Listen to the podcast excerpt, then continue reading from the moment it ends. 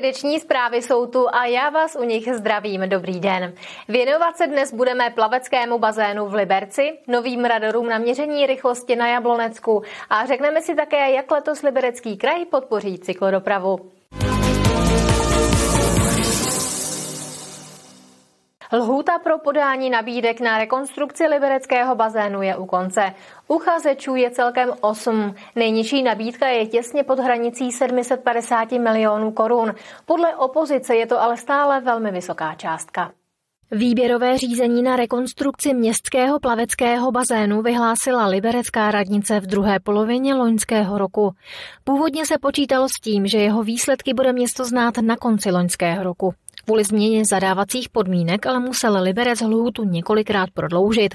Teď už má ale výsledky výběrového řízení v rukou. Městu přišlo 8 nabídek. Jednak jsme zorganizovali transparentní eh, výběrové řízení, za což máme radost. Přišlo hodně nabídek. Cena se ukazuje velmi zajímavá. Ten počet je dobrý, Uvidíme, jak proběhne vyhodnocení nabídek, během kterého se občas dějí všelijaké věci. Každopádně je fajn, že se radnici podařilo v průběhu času ty zadávací podmínky nastavit tak, aby se přeci jenom mohlo té soutěže zúčastnit eh, více firm a myslím, že nebýt našeho pozičního tlaku, tak by to tak nebylo. Tři z nabídek jsou pod hranicí 800 milionů korun. Nejnižší nabídnutá cena je pak ve výši 750 milionů. Z toho finančního hlediska to znamená, že budeme určitě moci žádat o nižší úvěr nebo využít nižší úvěrování, což je velká úspora v rámci úrokových podmínek. Už jsme deklarovali i, že se snažíme získat nějaké dotace. Máme v tuto chvíli eh, našlápnuto na tři dotace velkého charakteru. Jedna je z Národní sportovní agentury, asi 140 milionů korun, jedna je z Libereckého kraje, 150 milionů korun a ještě z, ze státního fondu životního prostředí na energetické úspory. Podle aktuálních informací nadále platí, že bazén bude fungovat do konce března, a to bez ohledu na to, jestli už v té době bude uzavřená smlouva s dodavatelem. V bazénu totiž budou muset nejdříve proběhnout práce, které souvisí s projektem GreenNet, tedy s úpravou připojení na městskou teplárnu. Martina Škrabálková, televize RTM+.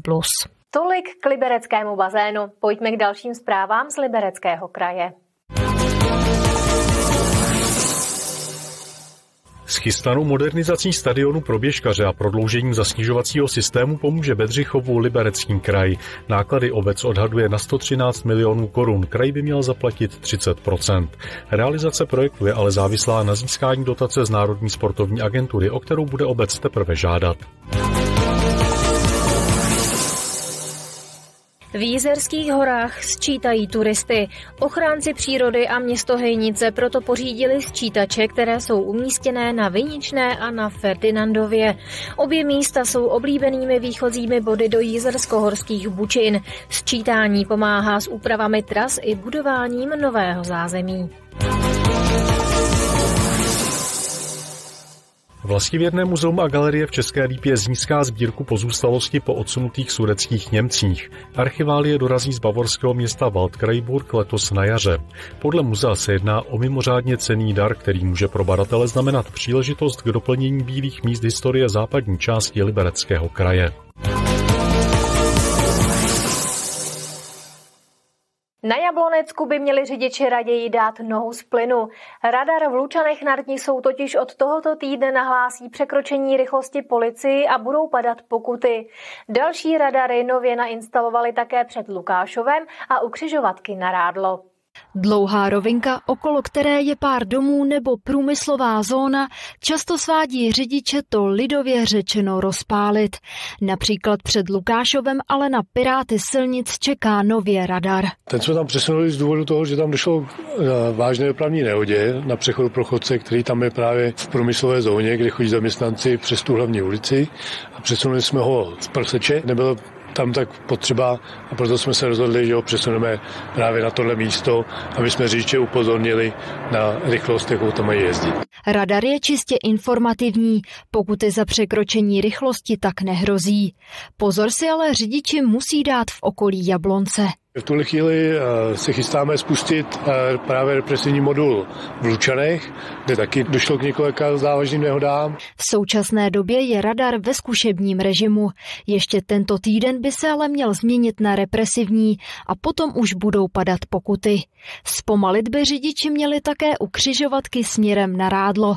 I tady se měří rychlost. Umístěním informativního radaru, který upozorňuje na překročení rychlosti a zároveň řidičům ukáže i registrační značku vozidla, by mělo dojít k celkovému snížení rychlosti projíždějících vozidel ve směru na Jablonec nad Nisou. Do budoucna může být zařízení dovybaveno o represivní modul stacionárního měření. Radar sem byl umístěn kvůli častému překračování rychlosti, která je tu omezená na 70 km za hodinu. Proto jsme tam i v loňském roce zaměřili výkon služby dopravních policistů. Policisté v souvislosti s těmito kontrolami v loňském roce řešili téměř 200 řidičů, kteří v tomto úseku překročili povolenou rychlost.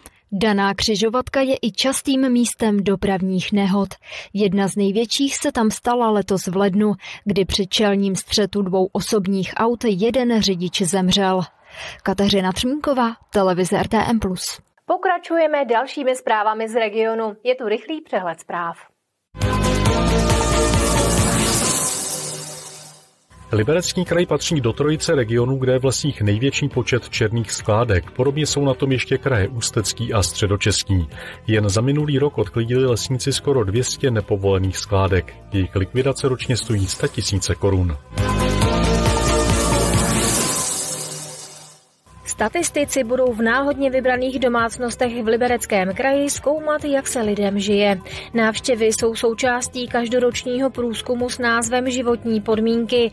Jeho cílem je získat dlouhodobě srovnatelné údaje o sociální a ekonomické situaci obyvatel a také data pro výpočet ukazatelů peněžní a materiální chudoby. Titul Alej roku 2023 Libereckého kraje získala alej vedoucí do lesoparku na Sluneční u muzea Cimrmanovy doby v Příchovicích. Dostala 260 hlasů. Více než 100 hlasů obdrželi od veřejnosti ještě Kaštanová alej u Arnoltic a alej v ulici k Bažantnici mezi Friedlandem a Krásným lesem. Také v letošním roce se budou na severu Čech stavět další kilometry cyklostezek. Na podporu cyklodopravy Liberecký kraj vyčlenil 14 milionů korun. Kromě výstavby stezek pro cyklisty půjdou peníze také například na projekty sdílených kol. Z hlediska podpory cyklodopravy byl liberecký kraj loni štědřejší. V rozpočtu si na ně vyčlenil přes 16 milionů korun. Letos je to přibližně o 2 miliony méně. Vypsány byly celkem čtyři dotační programy. Jeden na samotnou výstavbu eh, těch páteřních eh, cyklostezek a s tím související cyklostezek, nově tedy i přírodě blízkých cyklostezek. Pak je dotační program na rekonstrukce a opravy cyklostezek potom dotační program na tvorbu projektové dokumentace a i letos jsme zařadili dotační program na projekty sdílených kol. Největší část peněz půjde na výstavbu cyklostezek. Je to více než 6 milionů korun. Určitě se ty dotace budou týkat těch páteřních cyklotras, to znamená cyklostezka svaté Zdislavy. Konkrétně půjde o úsek mezi Cvikovem a Svorem. Cyklostezka nám povede po bývalém drážním tělese. Délka trasy je zhruba v úseku 3,5 kilometrů a na katastru města Cvikova 2300 metrů. V současné době město hledá zhotovitele. Rádi bychom, aby, ta, eh, aby tady začaly práce v únoru a to kácením náletových dřevin, které tady vidíme. My věříme, že se to podaří realizovat eh, do listopadu letošního roku. Druhou nejvyšší částku dá Liberecký kraj na podporu projektů sdílených kol. Ten se loni velmi osvědčil například v Jablonci nad Nisou. Město proto letos plánuje přidat dalších 50 kol. Kateřina Třmínková, televize RTM+. Tolik ze středečních zpráv, my ale nekončíme. Na řadě jsou naše pravidelné pořady. Začínáme za malý okamžik. Mějte se krásně a u zpráv zítra na viděnou.